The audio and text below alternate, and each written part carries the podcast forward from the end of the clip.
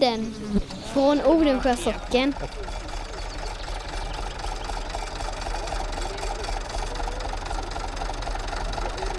Ja, välkomna till Hembygdspodden. Det händer grejer idag. Ja, de håller på att sätta potatis. Ja, mitt Ja. i Odensjöby. Precis, men eh, himla häftig. Den är ihopsatt. Vad är det här för något? Är det? Det är ju en potatisättare. Ja, en riktigt hederlig Ja. sån. Det rullar på. Jag vet inte hur gammal den är men eh, Vi kollar här på eh, tillverkningsnumret. Gunnar Persson i Röshult och Einar Persson. De satte ihop de här bilarna. Det har varit eh, till, eh, två hästmaskiner ju. Så att eh, de är väldigt gamla. Men de fungerar Ja. jättebra. Hur länge har du satt potatis på den här åkern nu? På denna åkern. Ja. Fyra år nu va? Fjärde året är det nog ja. Ja. Fem kan det vara. Fem är det nog. Ja, fem är det. Men Ni odlar tillsammans eller? Ja, kollektivt. Så fikar vi och har roligt. Det är bra.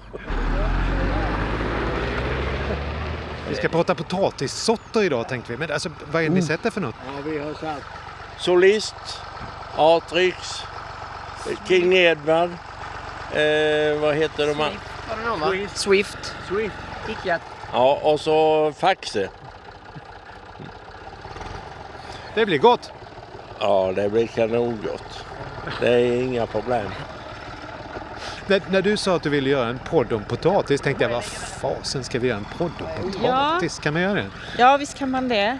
Alltså, p- potatis var ju jätteviktigt. Det var väl det som fick eh, Sveriges befolkning till att överleva typ. Och du odlar mycket själv också. Ja, jag älskar att odla. Jag tycker jättemycket om att odla. Och jag försöker odla potatis också. Förra året gick det jättebra. I år får vi se hur det går. Men du, potatissorter, de Ja, har ju varierat Precis, mellan de år. har ju det. Och vi ska ju träffa Gunnar idag. Och han ska berätta om de gamla potatissorterna. Nu får vi överköra här av traktorn.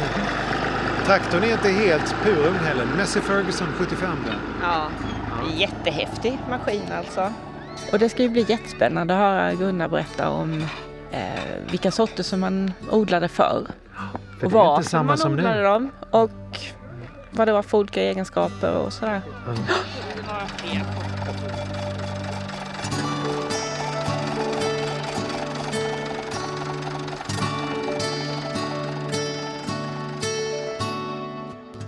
Ja, för det första så har jag väl vid många tillfällen haft svårt att förlåta den här eh, Jonas Ahlström som drog in potaterna till, till, till Sverige. Det har ju förstört många ryggar. Och det var ett hårt jobb. Men det var nog ganska så nödvändigt. För att tidigare åt de ju mest ju. Och rovor, det är, jag har aldrig provat det men eh, det kan inte vara något särskilt att äta för det är ju mest lite hårda fibrer och vatten.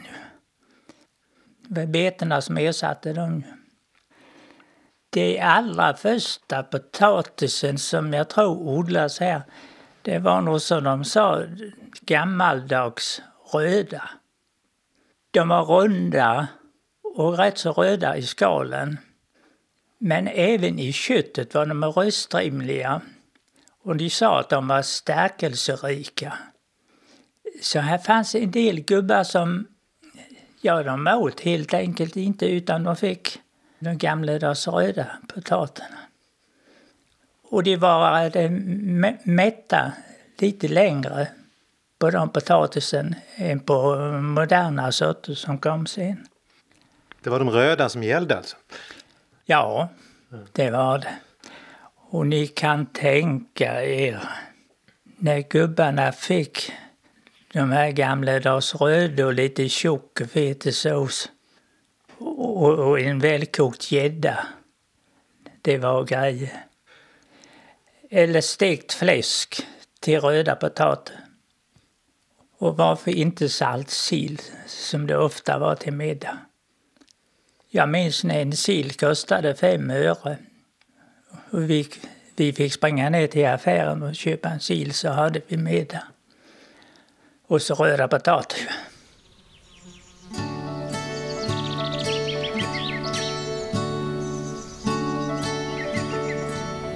Här var en del bönder som inte åt några andra potatis. Jag vet Ragnar Persson var en med de sista som prisade potaterna.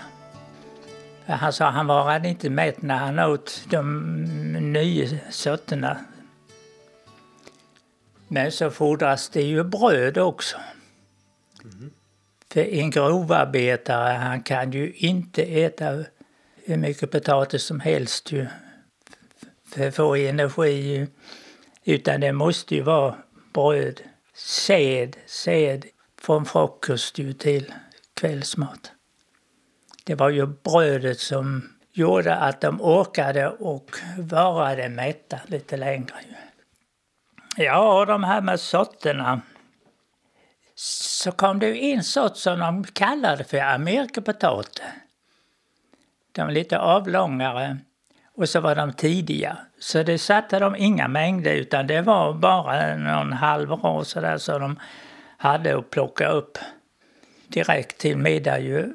Och så sen eh, till utsäde ju, till kommande år. Och de eh, amerikapotaterna, de har blivit bevarade rätt länge så det är kanske inte mer än fem sex år sedan de försvann där hemma. Men Gulbert var mån om dem så hon brukade odla eh, lite mer och så lämnade hon ut som utsäde sen. Så jag vet att det var till och med Vråbo som var uppe och köpte amerikapärer, hette det då. Men båda de sorterna är nog helt borta nu tror jag. Var köpte man utsäde? Var fick man utsäde ifrån från början? Det var ju långt före min tid så det vet jag inte. För sen var det bara det att man, man gömde och sorterade ut och förgrodde och, år efter år. Min far han var ingen jordbrukare sådär framåt precis så han, eh, han var nöjd med det enkla. Och han hade e, e, en, eller egentligen var det två sorters potatis som han hade börjat med. Och de hette Magnebol och den andra sorten hette Optidat. De var inte så stora men jämna och fina och mycket bra eh, matpotatis. Och de sorterna hade blandats för honom någon gång när han skulle sättas. Så de, de, de var blandade båda sorterna ihop. Och eh, det hade han i hela sin bonnatid. Då ungefär 50 år. Och jag vet ändå när jag växte upp, jag, ska vi inte byta potatis någon gång? Nej, det varför skulle vi det? Det är lika bra med den.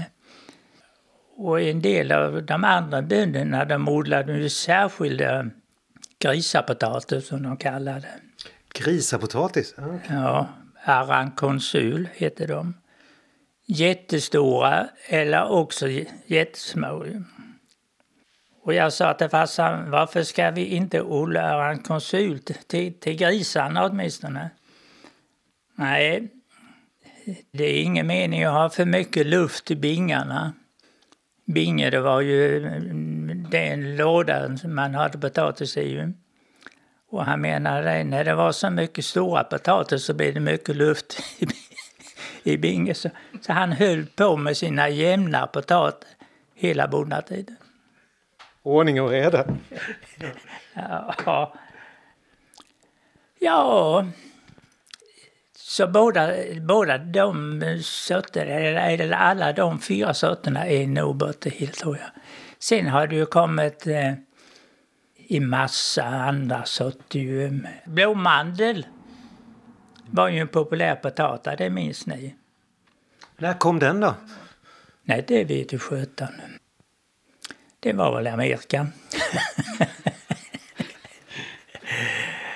ja, och nu är det ju mycket med Aterix.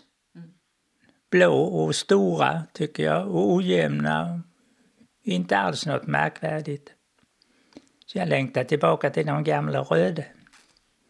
Ni står, det var så noga med de här gamla röda när bönderna plockade dem så att man skulle inte lägga in dem i källan direkt. efter upplockningen. Utan de lades i en särskild binge i en vagnport. De skulle liksom eh, avvänjas och eh, klimatisera sig lite grann innan de kom in i källaren. Nu. Och eh, torka till. Och så skulle de sorteras en gång till ju. Så det var de allra bästa man skulle ha själv. Och till fest ju. ja.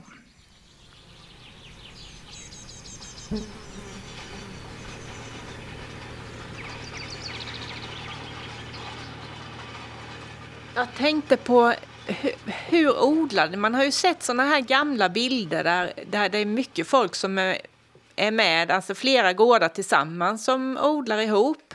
Hur, hur funkade det där? Gjorde man på det sättet eller hade var och en sin odling? Var och en odlade ju på sin egen jord.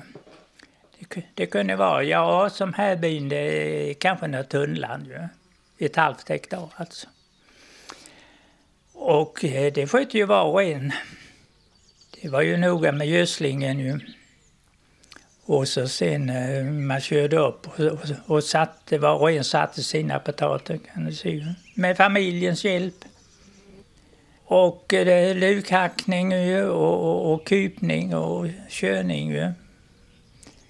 Men sen när det skulle plockas, då eh, var det ju, mm, de flesta lejde ju plockare. Då bara för dagen ju. Och eh, det var ju mest ungdomar.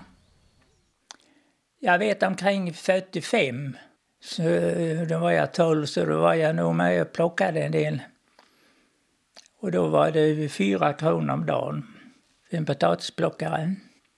Och sen steg det väl nästan en krona varje år tror jag undan för undan. Så jag minns det var uppe i 12, 15, 18 kronor tror jag. Var det? Ja. Men sen var det ju mycket ungdom. Eh, ja, jag kan ju också nämna det. Barnen hade ju potatislov. Båtlov, det visste man inte vad det var. Trams. Löjligt. Trams. Nej, det var potatislov. De fick vara hemma då när det var tid att plocka potatis, en vecka. Men var det så att det blev regn så var det ju ingen nytta till med deras fritid ju. Utan då blev det ju eh, plockningen förskjuten, kanske någon vecka sådär. Men läraren bestämde vid sin egen skola.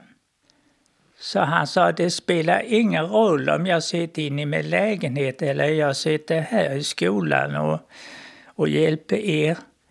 Nu är det så att jag vet att de ska plocka potatis den och den dagen på det och det stället och den och den dagen på det stället. Han hade kontakt med bönderna. Och är det så det blir fint väder, då blir ni hemma och plockar potatis. Men är det så det regnar så sparar vi den fina dagen och så kommer ni till skolan. Så det kunde dra ut i 14 dagar, tre veckor det här sportlovet ju med en dag då och en dag då. Men eh, han var hygglig och ställde upp på det ju. Jag tror det var hans egna påhitt också, att, eh, för att hjälpa bönderna. Gunnar, jag har sett någon bild där en massa människor sitter här ute har gått samman och plockat potatis en dag utanför. Lillegunnars här. Det var ju lite senare. Eh, ungdomen försvann ju mer och mer. Och då så fick ju de som var kvar hjälpa till. Och då gjorde man så i vissa byar och så var det alltid här, det var ju fem, sex stycken som alltid bytte dagsverke. Och den som satte igång potatisplockningen det var Ragnar Persson.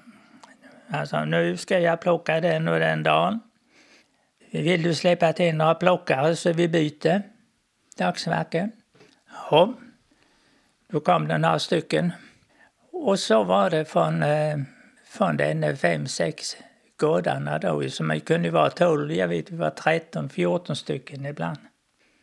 Och eh, trots att eh, frestade ryggen och sådär så, så var det ju ett nöje samtidigt kan vi säga.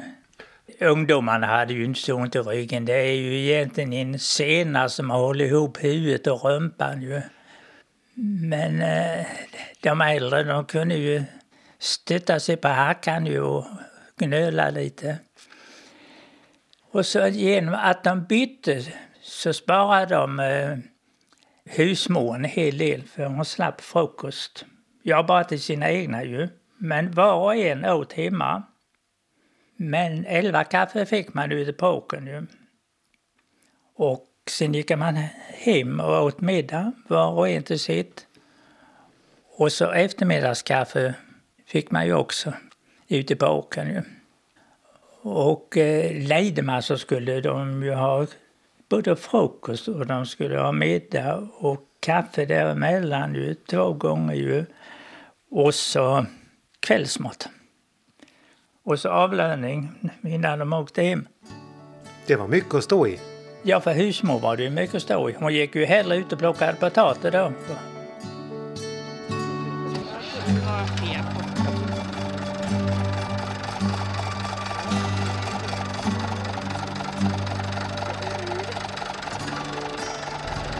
Odlas det ivrigt alltså. Kollektivt. Men ni delar på potatisen sen eller vad gör ni sen? Ja. Det är bara att plocka upp och sen så har vi bokföring på raderna. Har ni en rad var eller hur Ja, funkar det? ungefär. Olika sorter. Han har till och med hittat en potatis. Nej, Förra årets skörd. Jag tyckte inte det var lönt att sätta den. Den ser inte så jädra fräsch ut. Det var det mest förkrympta lilla potatis jag sett. Ja, det är fjolårets ju. Men det är sett potatis i år. Du har satt potatis några år här va? Ja, jag sa jag var ju... Jag minns ju när jag var liten. Vi hade den sättaren. Ja. Gått och hängt över kanten och fått se till att sköta, sköta matningen så att säga. Så att det går ut på ja. Ja, så det får inte bli blankrader eller stopp i det. Vad ska man säga? Det måste ju bli på varje lucka, annars blir det ju tomt i raden.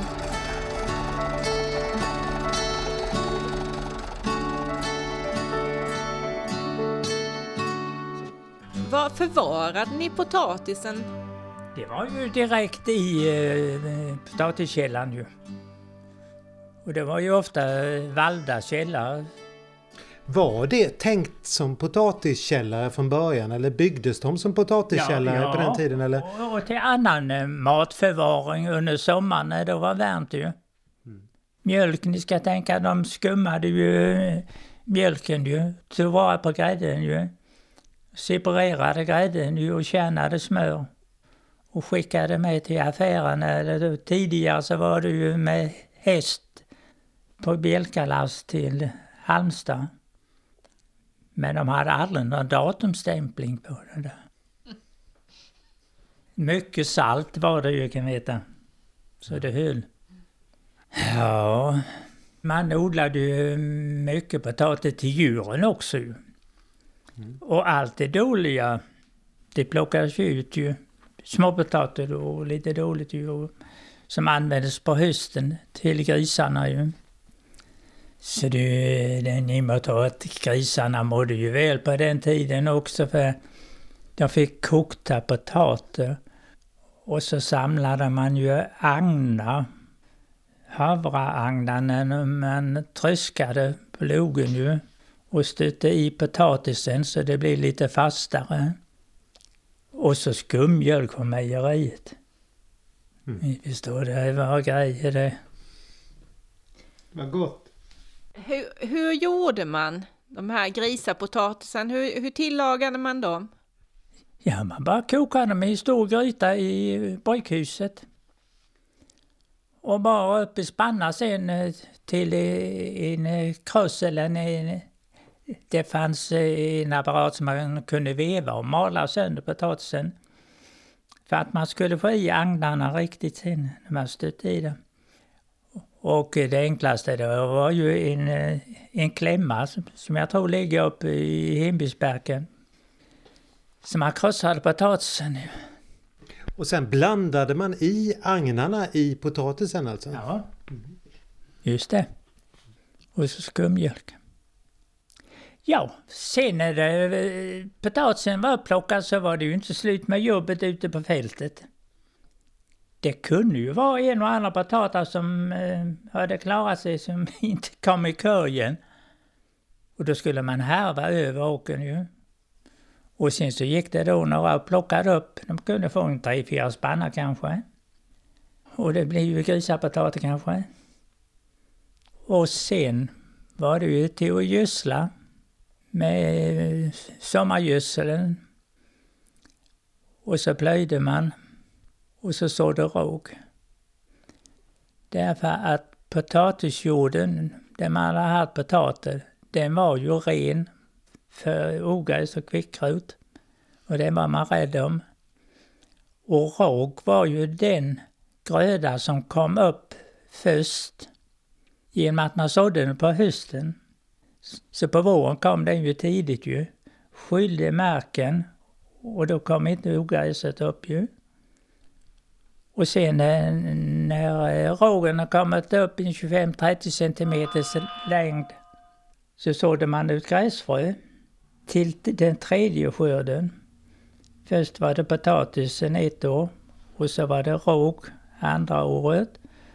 Och så blev det gräs tredje året och fjärde och ibland femte år. Och det, det var ju växelbruk ju. Och så, och så tog man en annan åker till potatisen. Jajamän. Och ni kan tänka er den bästa gödseln till vete sa de var husgödsel på utedasset. Då tog man hem ett lass sågspån och öste på på husgödseln och sen hackade man och hackade och hackade och spån så det blev eh, riktigt torra gegga ju. Och det mesta pappret försökte man ju skrapa väck sådär ju. Och sen så strödde man ut det med skyffel till, just till vetet. Så det var kretsloppet och återbruket kan man säga. Man tog vara på allt, allt, allt. Nu går det ju ut i avloppet det mesta ju, bara ställer till elände. Uppe i. Mm.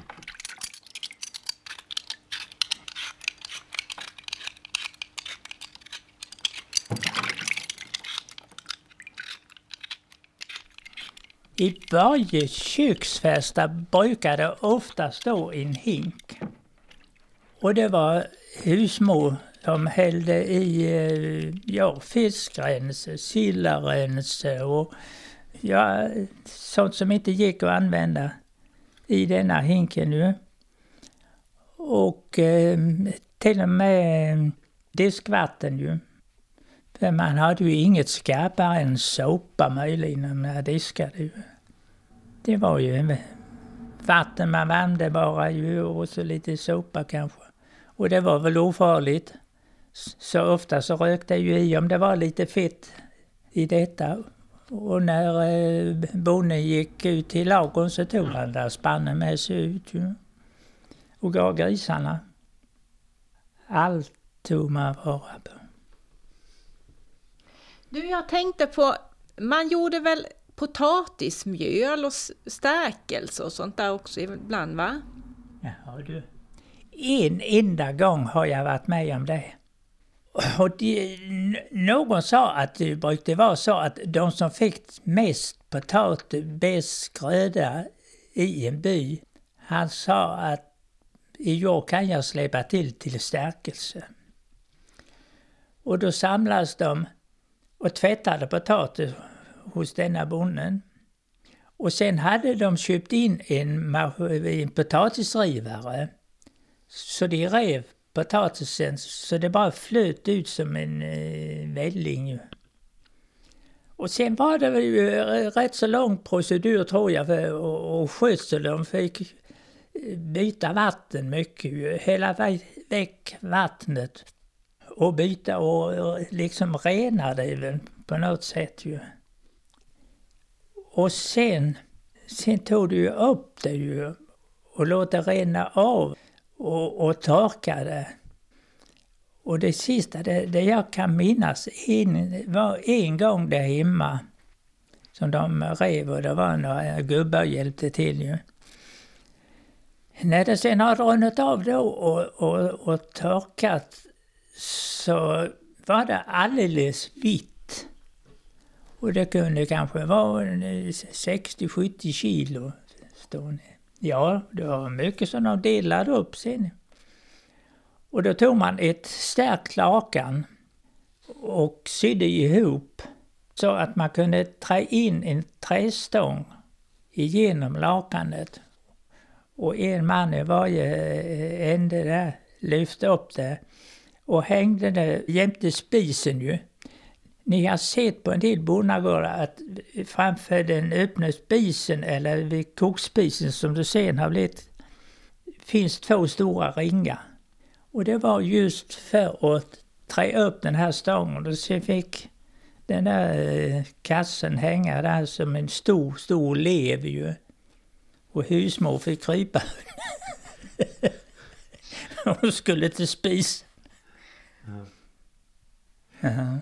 Vad använder man stärkelsen till sen då? Jaha du. Det var mycket till matlagning. Säkert mycket, mycket mer än vad det används till nu. De till och med kokade stärkelsegröt. Bara stärkelse. Jag tror ju inte att det smakade gott precis. Det var ju till kvällsmat. Och eh, sen hade de ju stärkelse när de skulle stryka skjortor till exempel. Frida Strykesa där ute i Östergård. Hon använde väl en hel del eh, stärkelse, för det var ju både skjortorna, eh, kragarna ju och förhänge ju och, och det här ju. Men annars vad det användes till, det vet jag inte. Men det var matlagning. Kräm tog de väl mycket. Ja, det är det enda jag använder det till idag, så är det ju när man ska göra kräm. Ja. Då har man ju lite potatismjöl i. Också. Mm. Mm. Du, och det är gott med kräm du. Du styr på det? Ja. Det är gött. Det är göttare än något annat. Det är hundra, hundra kulla gött. Hundra kulla gott? Ja. Det är så. Hur åt man potatisen då förr? Vad gjorde man? Gjorde, man gjorde väl inte gratänger och sånt där som vi håller på med idag? och pommes frites och annat? Nej. Det var ju kokta antingen eh, skalade stora potater och de små, det var ju med skalen på. Och det var ju egentligen till middag ju. Och det som hade blivit över det kunde de ju steka upp på kvällen ju. Med någon fläskabit kanske ju. Men den var kokt? Ja. Gjorde man potatismos då? Jo, men det var ju ingenting som gubbarna var eh, förtjusta i precis. Potatismos. För här finns ingenting som eh, man blir mätt på så fort som man äter lös potatismos.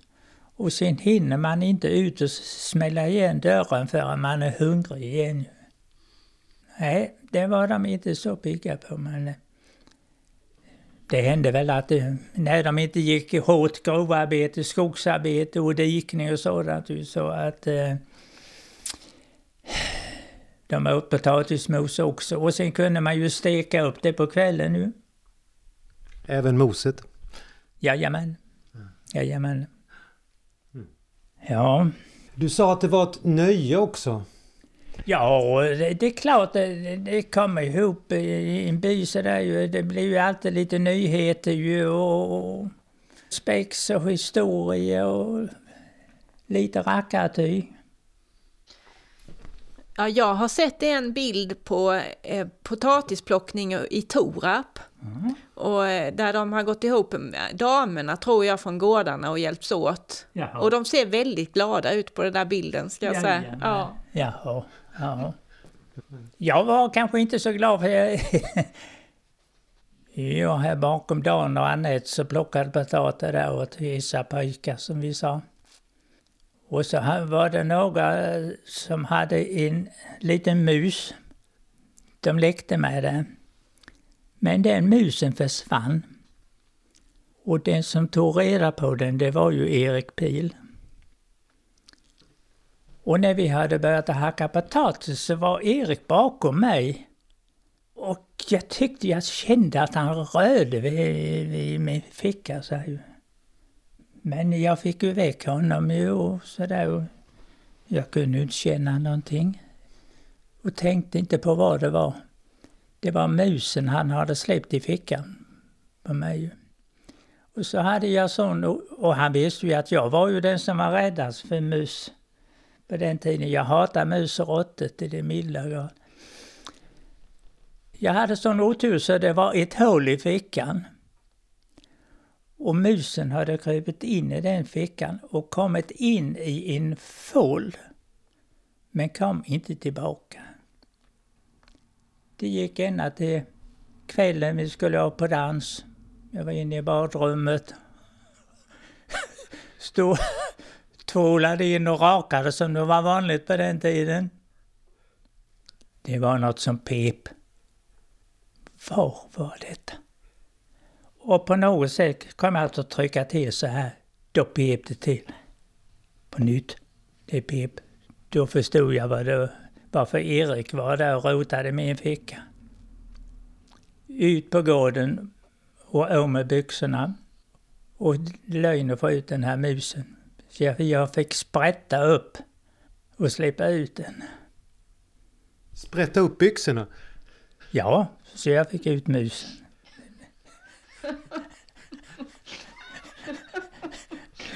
Blev det någon dans?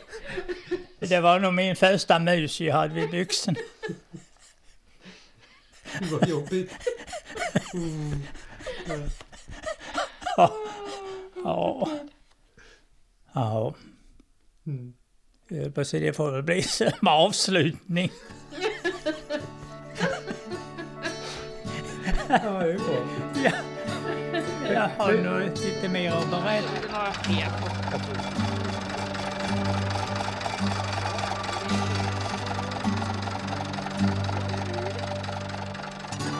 Det var många sorter det där. Men du, alltså, vilken är din favorit då? Min favoritsort? Um, alltså förra året så odlade jag en tidig potatis som heter Maria. Den tyckte jag faktiskt var väldigt god. Mm. Och sen det allra, allra bästa med den, det var att det blev frukter på den. Och i år så har jag sått fröna som var i frukterna. Och nu har jag några små potatisplantsbebisar som jag tar hand om. det var ett sätt att gå också. Ja! Så det finns mycket med potatis. Och nu lyser det i ögonen på dig igen. Ja, du har blivit ja. en fullkomligt besatt odlare. Ja, helt galen. Precis. Ja, men det är jätteroligt. Och nu är det potatisfika. Och det får ni inte missa nu. Potatisfika? Ja. ja. Det är krossade potater. och potatiskaka och kaffe. Hyttande potatis också? Nej, det har vi inte idag. Lite senare ikväll. Ja, ni har dukat upp här borta. Det är fint. Ja.